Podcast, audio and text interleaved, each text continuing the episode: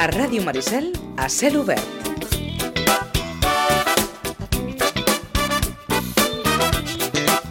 Anuncien una, una onada de calor que no li veuen final. Eh, ens donaria gairebé per un gag, però no el farem, sinó que el que, el que hem pensat millor és portar el, el nostre especialista en qüestions meteorològiques, amb en Gori Massip, perquè ens faci 5 cèntims sobre, sobre el que ens espera i sobre si això que, ens, eh, que, que, que veiem a, la, a les teles aquí ens tocarà tant o no ens tocarà tant, perquè ja saben que aquí tenim el, el nostre eh, estimat microclima que potser ens protegirà, o potser no, perquè clar, el microclima ens protegeix del, del, del vent del nord, i ara el que ve no és vent del nord, precisament. Gori Massip, bon dia. Hola, bon dia. Anava a dir, és molt excepcional això que ens ve ara? Aviam, eh, no és excepcional perquè fa temperatures extremadament elevades, perquè de rècords de temperatura absoluta probablement no se n'assoliran, tret d'algun lloc puntual, però la temperatura màxima absoluta de Catalunya no està previst que superi, però sí que serà una mica excepcional en sentit de la durada, és a dir, perquè serà una onada de calor persistent, que com deies tu, sembla que no, no se li vegi el final, vull dir, com a mínim estarem 10 dies amb aquesta calor intensa. D'acord. Per què, eh, per què ens arribarà aquesta calor? És a dir, que, que, com s'han posat els daus perquè, perquè els, els homes del temps vegin, pronostiquin, planifiquin que això, que això, que això anirà per aquí? Doncs eh, la clau la trobem en una dana, que es diu, que és una depressió aïllada a nivells alts, que són les que a vegades porten tant de moviment, segons com es col·loquin, però en aquest cas ens, de moment ens portarà poc tret d'aquesta calor. Està situada a l'oest de la península Ibèrica, cap a Portugal, i com sabreu, les borrasques giren en sentit antihorari. Al girar en sentit antihorari el que fa és bombejar tot aquest aire càlid que es troba a Àfrica, de per si, Àfrica és un, en unes latituds inferiors, i eh, ens envia tota aquesta massa d'aire molt càlid acompanyada de pols en suspensió, és a dir, ara si plogués plouria fang. No plourà, però hi No haurà plourà. pols en suspensió. Sí, el que farà és que el cel vagi perdent nitidesa i veiem aquell cel més blanquinós que no pas blau pur, diguéssim. D'acord. I és aquesta, aquesta depressió que es despenja de la circulació general que, que va impulsant-nos, diguéssim, aquest aire càlid. I la tindrem clavada d'aquí uns quants dies. Així és, sí, sí. A vegades amb el que passa amb aquestes onades de calor és que tenim aquesta onada de calor, però dius, bueno, d'aquí quatre dies ja es veu un canvi, que s'escombra aquest aire càlid, tenim tempestes i ja es normalitza. Però amb aquesta situació és, no, no, es va mantenir aquest aire càlid també per la pròpia escalfor de, que genera la pròpia península ibèrica i, i és que no, no, no es veu final. No es veu final. Però, de tota manera, eh, clar, mm, cada cop que hi ha calorada forta, al cap d'uns dies venen allò, allò que diuen sempre, no? venen tempestes. Per què? Doncs perquè, clar, s'ha acumulat tanta escalfor que aleshores, doncs, vulguis que no, això ha de patar per algun lloc. Exacte. Com és que eh, aquesta vegada, de moment, un dia vindran, eh? Sí, això segur, però com és que de moment no es preveuen? Perquè a, a, a banda d'aquesta calor que comentes, aquesta energia calorífica, necessites altres ingredients. I ara mateix, si agaféssim el perfil de com està l'atmosfera damunt dels nostres caps, està molt sec, molt, molt seca. Llavors aquí no pot créixer ni un núvol. De fet, portem tres dies que no hi ha ni un, ni un núvol. És Aleshores, es necessiten altres ingredients a banda d'aquesta calor per, perquè com pugui patar. Això és molt inusual o només és inusual? Um, precisar tant ja no sé si podem, però bueno, comentàvem fa un mes que el que estan veient és que aquesta freqüència d'episodis d'aquesta calor s'anava veient augmentada. De fet, és la segona onada de calor ja d'aquesta temporada. Uh -huh. Vam tenir un pic de calor també durant el mes de maig i, per tant, el que sí que és mm, inusual és tenir amb tanta poca diferència de temps eh, tantes onades de calor. D'acord. Perquè eh, què diferencia aquesta de la que vam comentar, res, fa tres setmanes o quatre? Doncs que aquella va durar menys d'una setmana, si no recordo malament, uns 4 o 5 dies, uh -huh. I va acabar, eh, ara no recordo com va acabar, però va canviar la situació, i aquesta doncs es mantindrà estancada amb aquesta calor, calor, calor, uh -huh. almenys fins al dia 22, 25, no es veu al final, un possible final. Uh, L'origen és el mateix, uh, un estancament també d'una depressió en, en un determinat punt de la península que bombeja aire calent? Si no recordo malament, sí, perquè estem... anem repetint com aquest patró, el vam tenir el maig, el vam tenir el juny i ara el tornem a tenir amb aquesta depressió a l'oest de la península uh -huh. que no ens, quan creua ens podria afectar però marxa cap a l'Atlàntic i no, no, no acaba de... Um, això vol dir que... Es, mm, faig una pregunta tonta. Està canviant el clima? És a dir, preguntaré d'una altra manera. Aquestes, aquestes situacions cada cop passen a ser més habituals quan en el passat doncs, es donaven de manera molt més excepcional. A, això és el que, el que sembla que està passant. Aquesta freqüència d'aquests fenòmens s'està veient augmentada. Uh -huh. I per tant, doncs, podríem dir que el planeta s'està escalfant i que el clima està canviant, ben bé cap a on ja veurem, però estan passant coses. D'acord. És a dir, que hi ha un fenomen d'escalfament global... Correcte. Eh, que està malament, això alguna vegada ho hem llegit, eh? està malament parlar de canvi climàtic perquè el clima sempre ha canviat. Sí, això bueno, hi ha moltes opinions al respecte. Uh -huh. eh? Però que en qualsevol cas eh, el que no és... Eh, el que és una certificació és que, és que hi ha un escalfament actual del, de, de la temperatura de la Terra i que doncs, a partir d'aquí eh, part d'aquesta eh, de la responsabilitat d'aquest escalfament es pot deure a causes, antrop, mm, a causes humanes, és a dir, activitat, activitat humana. Però eh, independentment d'això, l'atmosfera actua com actua, perquè l'atmosfera és un sistema molt complex, no? Sí. I per tant, doncs, el que... L'efecte papalló no existeix? Ara, eh, aquí, aquí he fet la pregunta. A veure, um, et tornaré a respondre el mateix, no ho sé. No ho saps. Eh, mm, el, el... No ho sé, no sé. D'acord. Més que res, saben que és aquell efecte de que sí. si una, passa una cosa molt petita en un determinat punt de la Terra, això ocasiona una determinada sèrie de conseqüències que al final eh, esdevenen en un fenomen molt més important en un altre punt de la Terra. Això seria, diguem, la, la definició de l'efecte papallona. Però en qualsevol cas, tot el sistema és dinàmic i, i tot està interconnectat. És a dir, no, no podem associar ara que hi hagi una gran pedregada i que caiguin pedres de 5 centímetres i diem, oh, com està canviant això, uh mhm. -huh. perquè pedregades fortes n'hi ha hagut sempre, no, i això, per tant, tampoc val ara que cada cosa que passi l'associem al canvi climàtic, perquè sí, però sempre clar, han, han passat. És, és la freqüència. La setmana passada veiem com, eh, com eh, es trencava una glacera a, a, les, a les Dolomites, a, a Itàlia, situació perquè porta no sé quants dies per sobre de 10 graus.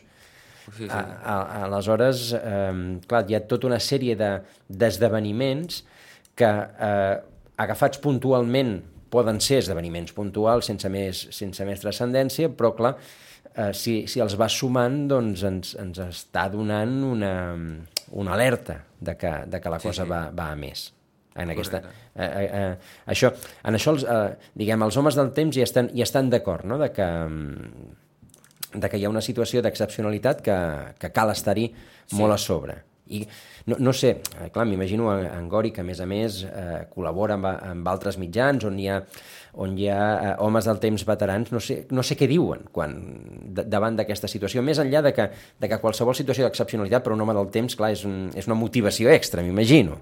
Sí, a veure, de la calor és els fenòmens que menys agrada, però ja que no ha de passar res, si, si fa molta calor, que em faci bé, així mm -hmm. podem...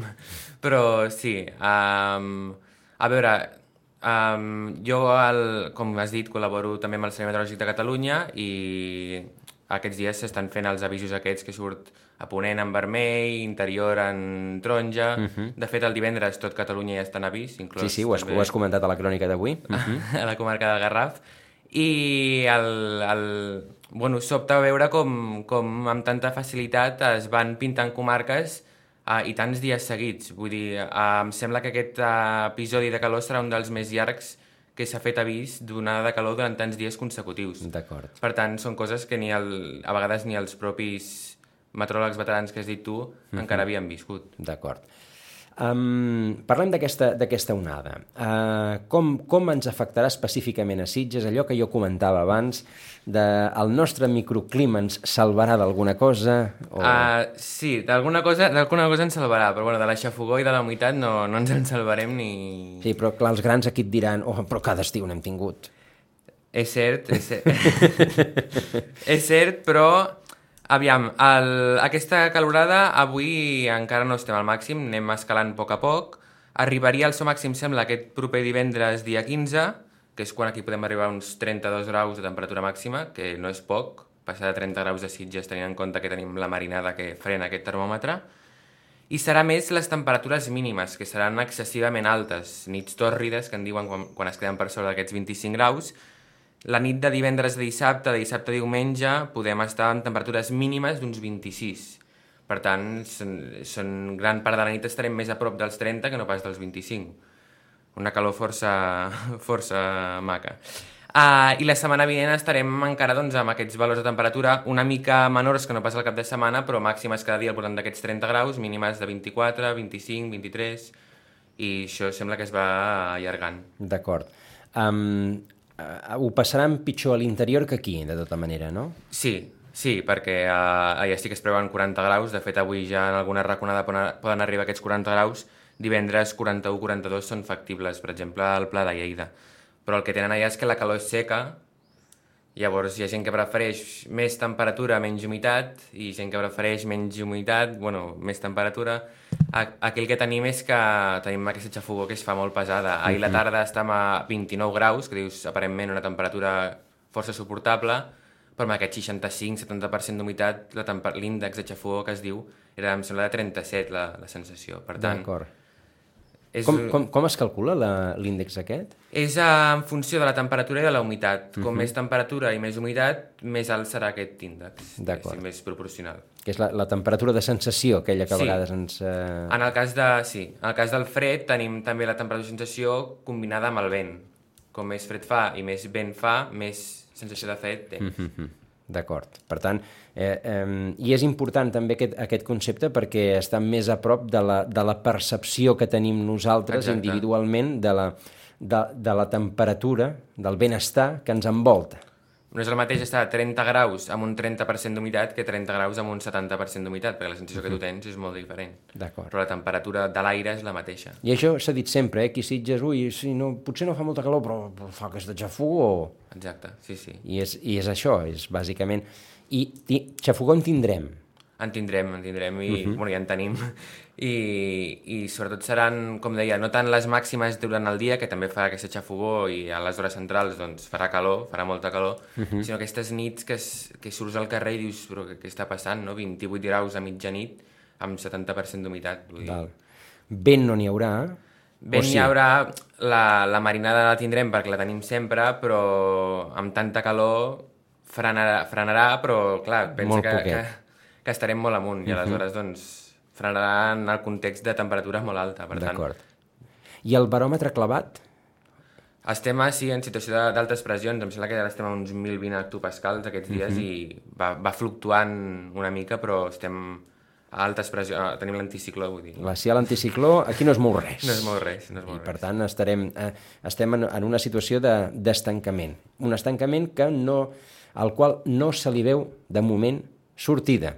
Exacte. Uh, sembla, com a mínim, fins al dia 22, que seria el di proper divendres, no aquest, sinó el vinent, seríem amb aquestes temperatures molt per sobre de la mitjana climàtica i a partir de llavors podria haver-hi un possible final. I dic possible perquè no tots els models, que són el que utilitzem, les eines que utilitzem nosaltres per, per predir el temps, eh, ho veuen. Per tant, un possible final l última setmana de juliol, veurem si aquest possible es converteix en probable i finalment es, -huh. es consolida o es queda en un possible que al final s'esvaeix. Ara has parlat de models. Com, com va això dels models? Que... Uh, si vols t'explico, és una mica complex, sí, però bueno... Uh, uh, faig... si podem fer un resum que s'entengui. Sí, 5 cèntims.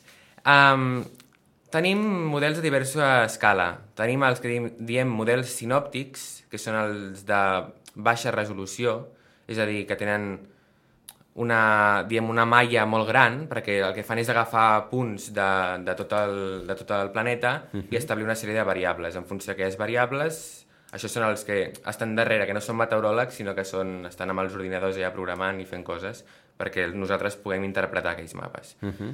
Aquests models sinòptics n'hi han diferents, però n'hi han dos principalment. El que elabora l'Agència Europea l'Agència Europea de Meteorologia, uh -huh. que és el model centre-europeu, que se'n diu, i els que elaboren els, els americans, que és el model americà. Moltes vegades doncs, um, són els que utilitzem per a saber a grans trets en quina situació ens trobem. Uh -huh. Uh, és cert que per, per el que s'ha anat veient, potser el model europeu és una mica més fiable. Però bueno, això ja... Un cop hem establert aquesta situació sinòptica, és a dir, que tenim aquesta baixa que l'oest de la península, que tenim aquesta calorada aquí, que, que, que això, que l'altre, passem al que es diu els models mesoescalars, que són models d'alta resolució, que ja podem enfocar més, diguéssim, a territoris més petits, com el propi Catalunya. I d'aquests sí que n'hi ha molts més, perquè pots anar jugant amb, anar canviant diverses variables i en funció d'això pots obtenir diverses modelitzacions. És a dir, um, si ara tinguéssim una situació de ruixats aquí a la costa, m'ho invento, eh, tenim 10 models d'aquests mesoescalars eh, d'alta resolució i n'hi ha 4 que ens donen que plourà avui a les 12 i 6 que no. Per tant, estaríem parlant d'un 40% de probabilitat de que plogués i tu en funció d'això has d'establir quin símbol poses en aquell lloc. Si poses una clariana, si poses un, un ruixat, si poses sol o què poses. En funció també de la teva experiència, de quins models et creus més en determinades situacions. És a dir, ui no, tenim situació de sud, aquest va fatal, pot marcar pluja, però això no passa mai. Aleshores és també la pròpia interpretació de, del meteoròleg el que acaba És a dir, quan, quan ens diuen que hi ha uh, un X%, i això és, això és allò típic de les aplicacions del mòbil, eh? Sí. Uh, un X%, que a, a tothom, tothom les mira. No, no les mirin tant, les aplicacions, de... tothom les mira, perquè és molt fàcil de És mirar. el més ràpid.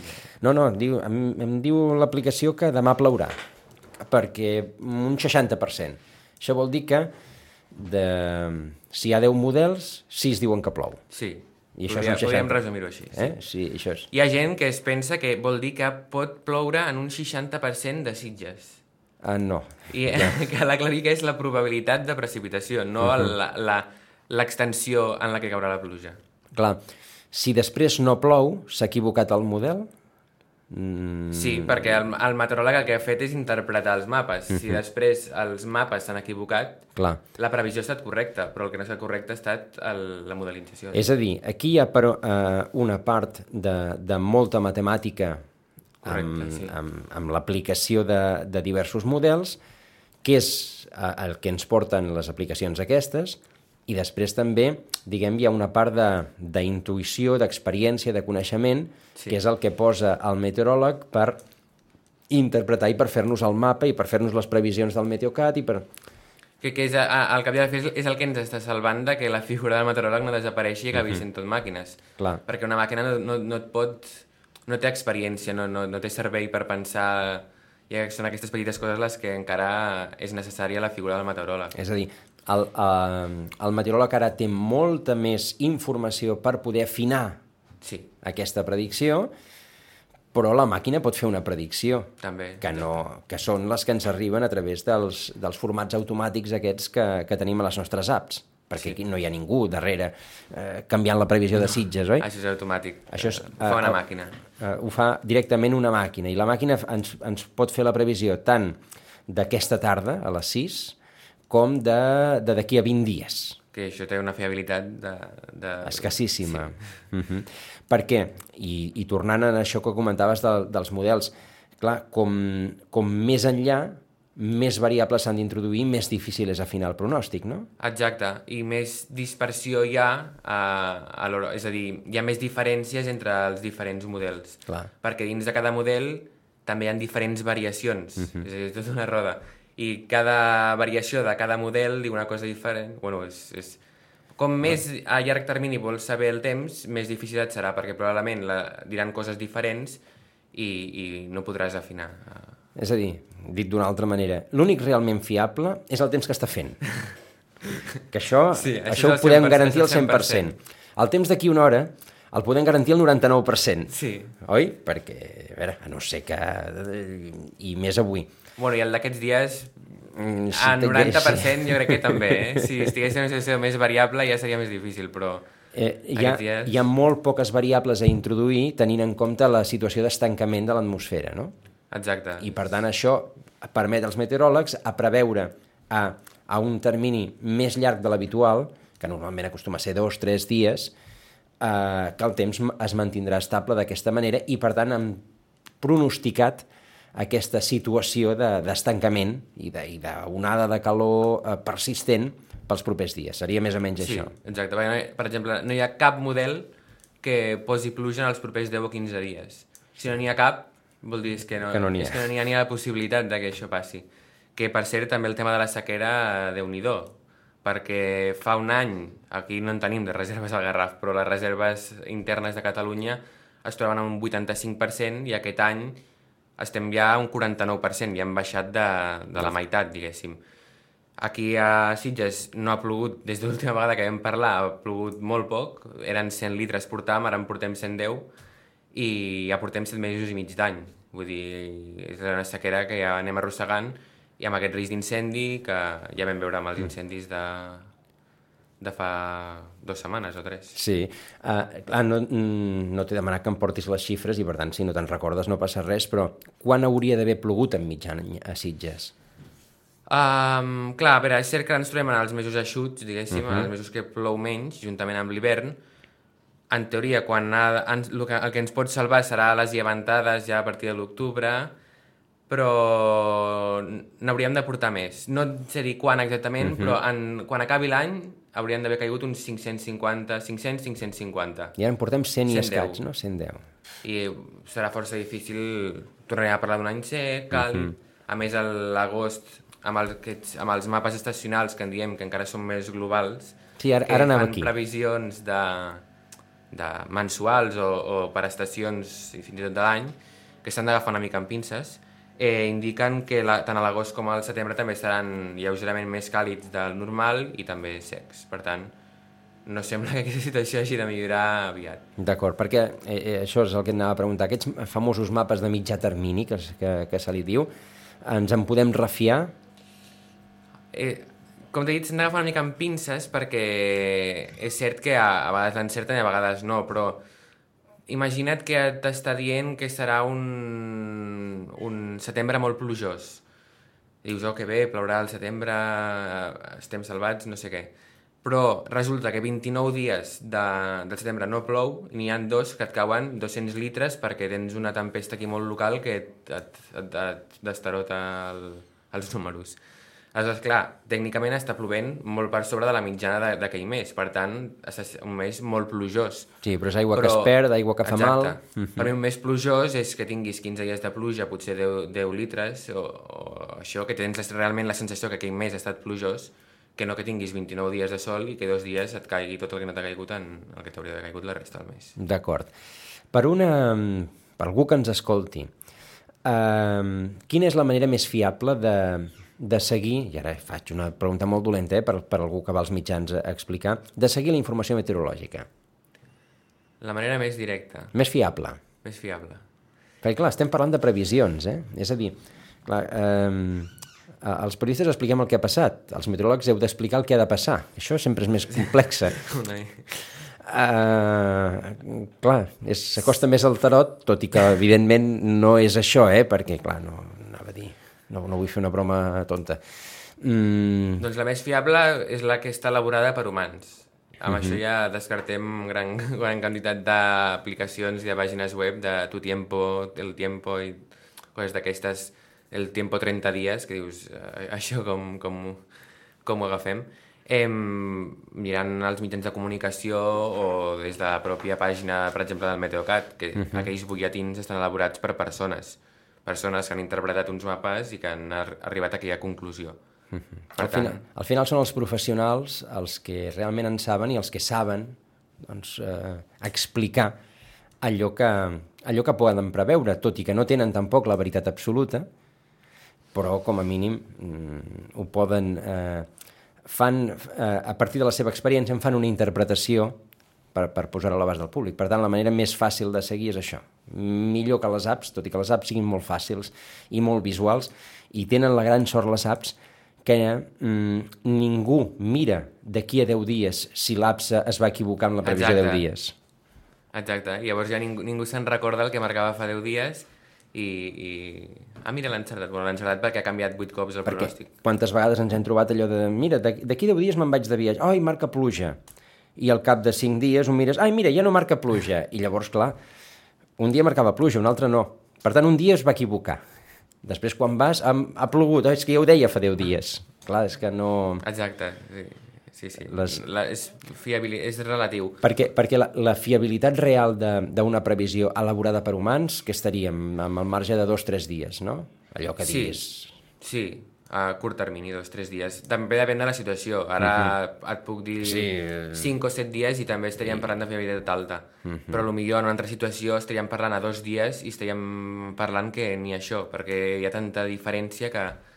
Vull dir, depèn també de la situació, però en general el curt termini és el, el més fiable. Com més curt, Això ens, més... ho, això ens ho va comentar el Dani Ramírez un, quan el vam tenir aquí, que, que a més Catalunya és un país difícil. Sí, sí, sí. perquè tens, um, com deies tu, microclima aquí, microclima allà, tens el massís del Garraf aquí, tens l'altra serra allà, i per tant l'orografia juga un paper molt important. Uh -huh. Aquí tenim el massís. Anava a dir, quan, quan, ens, eh, quan ens fas la, la, la previsió, d'on agafes les, les fonts per fer-la? Doncs jo el, el, utilitzo el que miraria jo si vull saber jo la previsió, que són uh -huh. el que no mira la gent perquè són mapes, no són simbolets i, i, i, i ja està, sinó són mapes um, que et marquen la nuvolositat, la humitat a 850 hectopascals, que són uh -huh. 1.500 metres, per saber si hi haurà núvols baixos.